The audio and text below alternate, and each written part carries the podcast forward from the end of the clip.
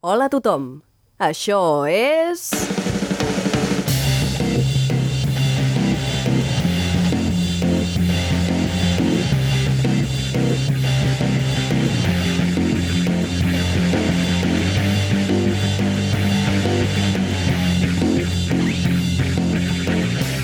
L'altra ràdio? Avui a Verícit Sulfúric al Museu de la Ràdio, una coproducció amb Ràdio 4 per celebrar el 40 aniversari del programa L'Altra Ràdio, enregistrat en públic en directe als estudis de Ràdio Nacional d'Espanya, Catalunya, de Barcelona. Escrit per Anna Ferrer Albertí, Vicent Ortega i Pau Pérez, sonoritzat per Helena Ramos. Amb les veus d'Anna Ferrer Albertí, Laia Garcia, Vicent Ortega, Pau Pérez, Clara Schwarze i les col·laboracions estel·lars de Pitu Martínez, Irene Lapuente i Cinto Niki.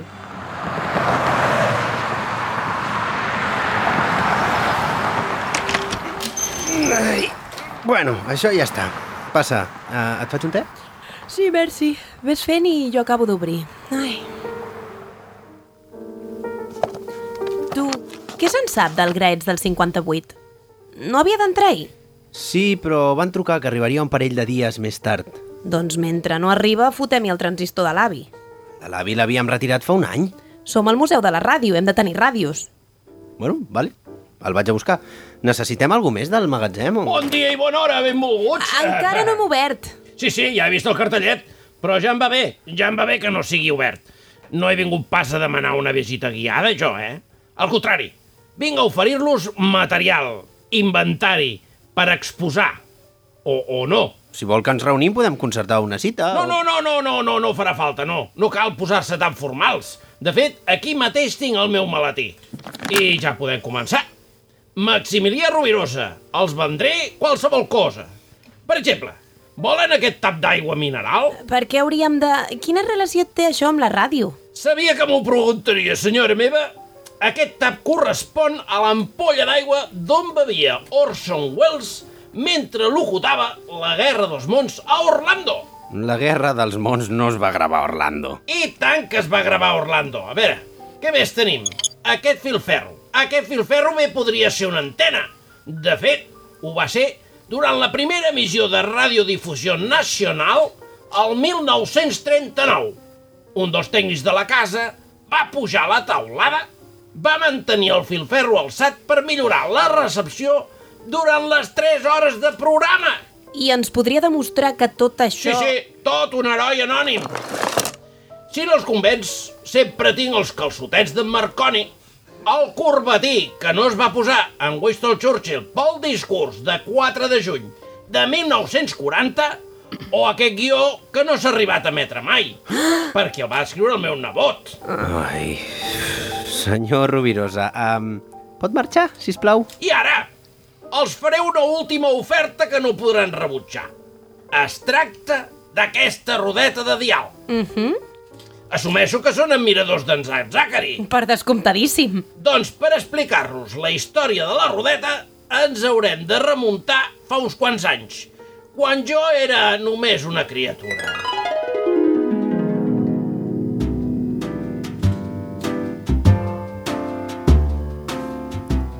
Durant dècades, Zack Zachary va ser l'estrella més brillant del firmament radiofònic. El món sencer escoltava el seu programa. Cada vespre, la veu del senyor Zachary omplia salons, menjadors i habitacions d'oients de tota mena.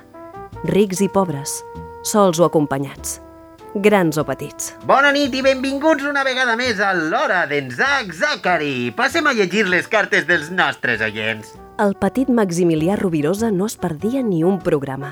El seu gran somni era que Zack Zachary llegís una de les seves cartes en directe.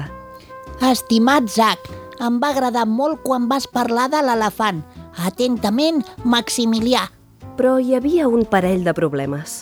D'una banda, es comentava que el senyor Zachary, després de tants anys de fama i luxes, havia començat a perdre el contacte amb la realitat. Es diu que només menja caviar i potes de cranc.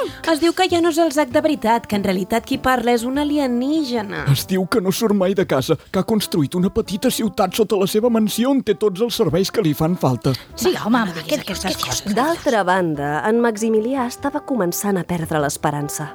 Li havia enviat més d'una vintena de cartes i no n'havia respost ni una. Què podia fer per tenir ni que fos una mica de contacte amb el seu ídol? Només era un nen, és clar. Si fos gran, podria agafar un cotxe i anar-lo a visitar. Però els nens no poden conduir. No en saben. Ja ho sé.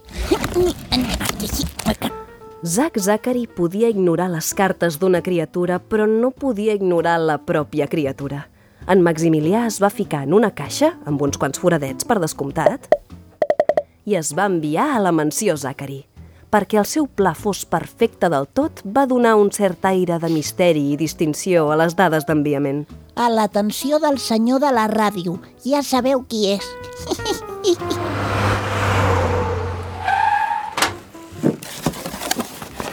Tada! Sorpresa, senyor Zachary! No, inesperat. Vostè no és el senyor Zachary? I tu no ets una ràdio. L'accés d'audàcia havia jugat una mala passada en Maximilià. Ja se sap que per arribar a un lloc concret se n'ha d'indicar l'adreça exacta i els treballadors de correus ho fan tan bé com poden. Era a casa del senyor de la ràdio, tal com havia demanat, però no pas a la mansió d'en Zac, sinó al taller de l'encarregada de reparar tots els transistors de la mansió. Hi ha un transistor a cada habitació i jo faig la ronda cada matí per comprovar que tots funcionen. I aleshores on sóc? A la ciutat subterrània, és clar. Els rumors eren certs. Tants anys de fortuna i poder havien convertit Zack Zachary en un milionari excèntric. En Maximilià es trobava en una ciutat només per ell, un lloc amb botigues de sabons, pipes i sedes. Una ciutat on no es veia el cel. Però que podré veure en Zac? Home, jo no l'he vist mai, en Zac, i visc aquí, em sembla que te n'hauràs d'anar. Ostres, no s'ho creurà ningú que he estat a la ciutat secreta d'en Zac Zachary. Ah, no? Um, doncs mira, et regalo això. Li va donar una rodeta del transistor preferit del senyor Zachary, que s'acabava de trencar perquè no oblidés mai aquella visita a la ciutat subterrània.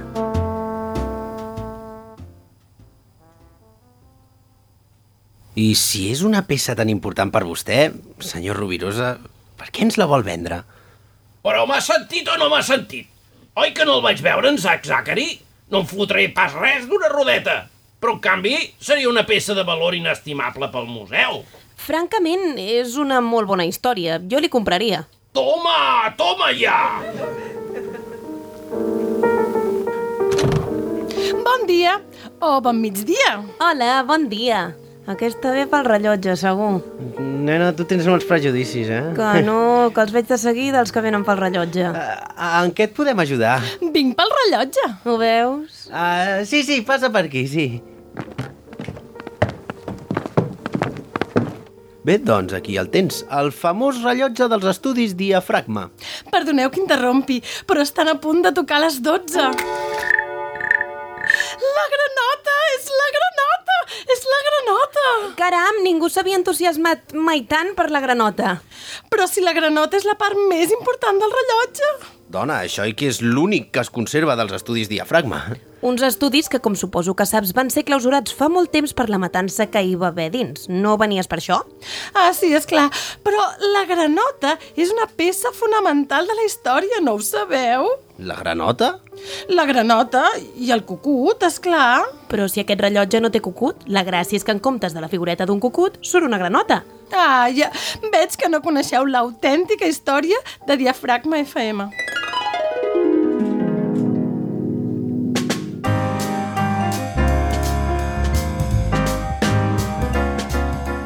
Set del matí. Els estudis de Diafragma FM obrien les seves portes, com cada dia.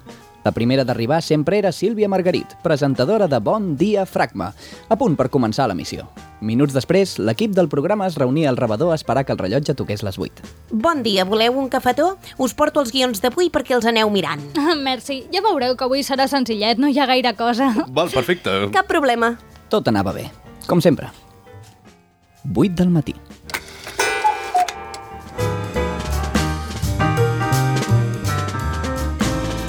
Dia, fragma a tothom! Benvinguts a... Benvinguts al programa despertador que escolteu cada matí amb Sílvia Margarit. Potser cap oient se'n va donar. De fet, no era res greu, el programa no s'enfonsaria per això, però hi havia alguna cosa fora de lloc. Aquell petit dubte en una frase tan rutinària, una frase que la Sílvia havia dit de dilluns a divendres cada matí durant els últims cinc anys, era la primera senyal que aquell dia seria diferent. I a continuació tindrem les seccions de moda, cuina, economia i noves tecnologies. Què li passa a la Sílvia avui? Per què ho dius? No ho sé, està estranya. Escolta, tu no hauries de ser a dins? Hòstia! 9 del matí.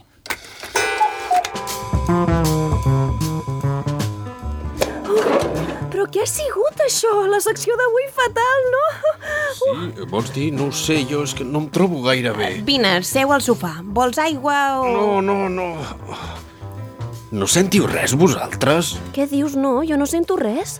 10 del matí.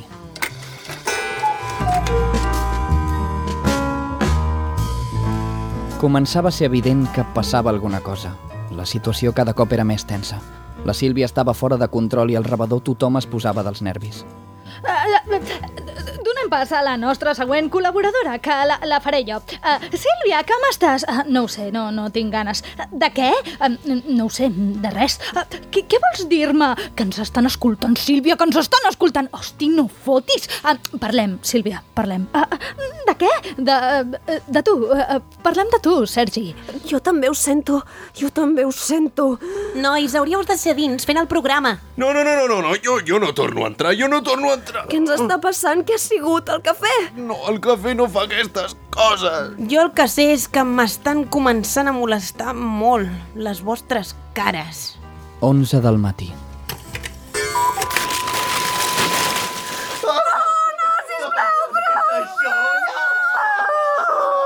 No pot quedar ningú, no pot quedar ningú, ni jo mateixa. Aquelles van ser les últimes paraules de Sílvia Margarit.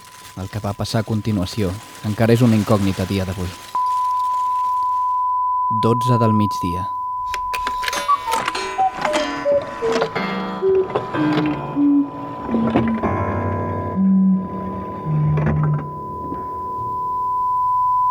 La missió s'havia tallat.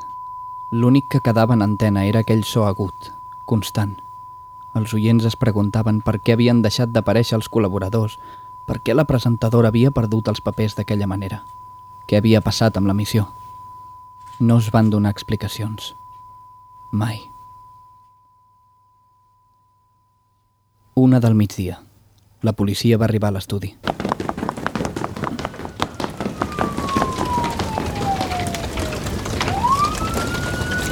Vidres rebentats, esgarrapades al sostre, restes humanes irreconeixibles i cap causa aparent, cap testimoni, excepte una figureta.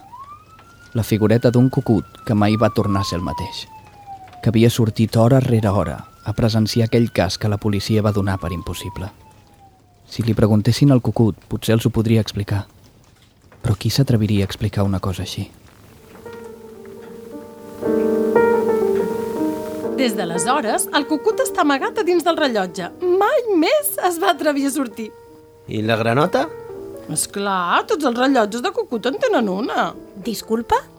A dins de cada rellotge de cucut hi ha una granoteta que s'espera per si a l'ocell li passa mai res. Ah, molt bé. Doncs gràcies per la teva visita. Sempre que vulguis veure la granoteta, aquí la tens. Vale, merci. Bernat, l'has vist, aquell home? Sí, fa una estona que me'l miro. És que fa una estona que hi és. Vols que li diguem alguna cosa? No és cap delicte mirar un aparador.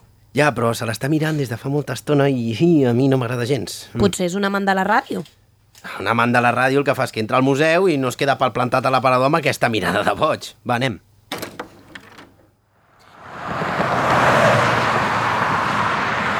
Bon dia. Que vol res? Uh, sí, mm, no. Me'n vaig, me'n vaig. Bon, bon dia tinguin. No, no, no, no, no, un moment. Què vol? Espero que comprenguin que és molt important, però no m'ho puc permetre. El què? Eh, Soc plenament conscient que és una petició arriscada. Eh, miri, sap què? Per què no passa i parlem del que sigui que està parlant vostè, eh?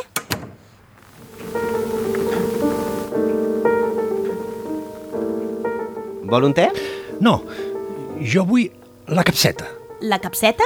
És a dir, que el té no em ve de gust, gràcies, però ja que m'ho posen tan fàcil, la capseta sí. Vol dir la capseta de música de l'aparador? Els faré una oferta que no podran rebutjar. Però senyor, que això és un museu. Entenc, entenc, entenc que és una peça de museu, però els prego que m'escoltin. Tot va començar amb, amb la pesca de l'ànec.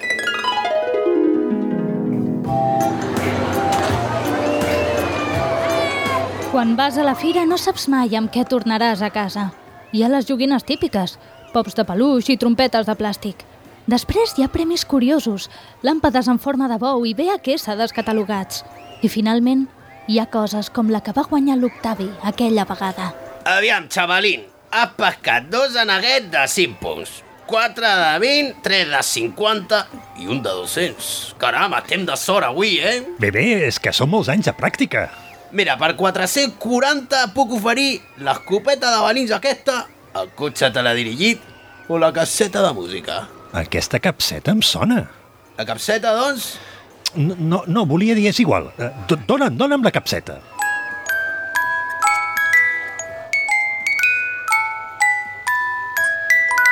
La meva capseta de música. Aquella melodia va despertar records que l'Octavi havia tingut enterrats molt de temps.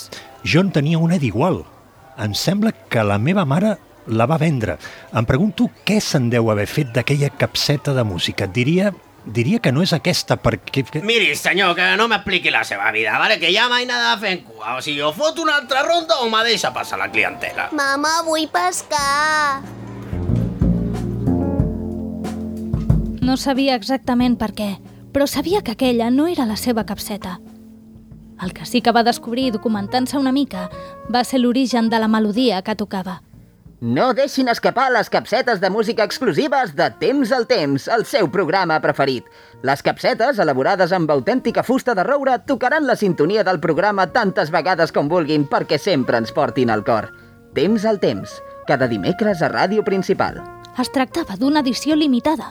Al món només hi havia 200 capsetes com aquella, però encara que la dels ànecs no fos la que havia tingut l'Octavi, Aquí se li acudiria buscar exactament la mateixa. Seria molt difícil. Però és que és la meva. va decidir deixar-ho córrer. Fins que un dia, a la consulta de l'oculista, A veure, què hi ha a la primera línia? H, G, T, D. I a la segona... Una Q, T, J, A. Molt bé, i a la tercera... No, no, no, no. no. Di, digui'm vostè què hi ha en aquella lleixa. En aquella què? Ah, aquella caixeta. Quan en vol? aquí va començar la gran recerca de l'Octavi.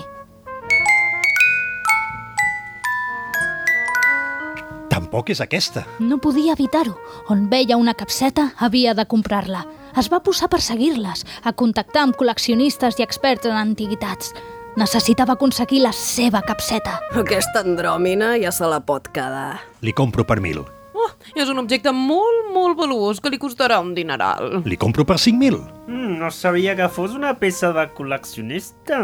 Per quan la compraria? 20.000, 20.000. Eh, Bé, eh, per mi també és molt important, l'he tingut tota la vida i clar... No... 100.000. Malgrat tots els seus esforços, cap de les capsetes era la seva. Continuava sense saber per què, però estava perfectament convençut que encara no l'havia trobada.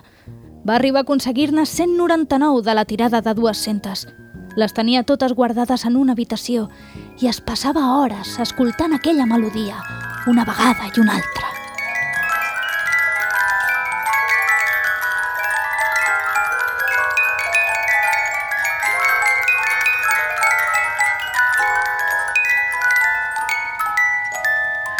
I aquí em tenen. Si no me la poden vendre, em deixarien com a mínim sentir-la cantar. No hi ha res que ens ho impedeixi, però... Pot fer girar la manivela vostè mateixa, si vol. Bé, eh...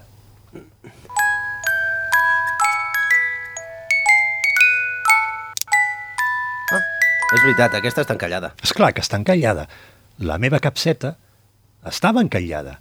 Aquesta és la meva capseta. Senyor, sé que té molt valor per vostè, però nosaltres també som col·leccionistes i, No evidentment... pateixin, no pateixin. Els hi puc oferir 199 caixetes idèntiques en aquesta que, a més, no s'encallen. Què me'n diuen? Ah, doncs, ben pensat, no? Però només ens en caldria una. No, no, no, no. Jo només volia la capseta que tenen vostès. La resta ja no em serveixen. Seria una bogeria tenir 199 objectes iguals. Per això els hi dono a vostès. Ara, vostès són esbojos. No, no, no pas jo. 199 capsetes de música. On, on és vist? Quin museu de sonats. Acabeu de sentir El Museu de la Ràdio, una coproducció de Verícit Sulfúric amb Ràdio 4 per celebrar el 40 aniversari del programa L'Altra Ràdio, enregistrat en públic en directe als estudis de Ràdio Nacional d'Espanya-Catalunya de Barcelona.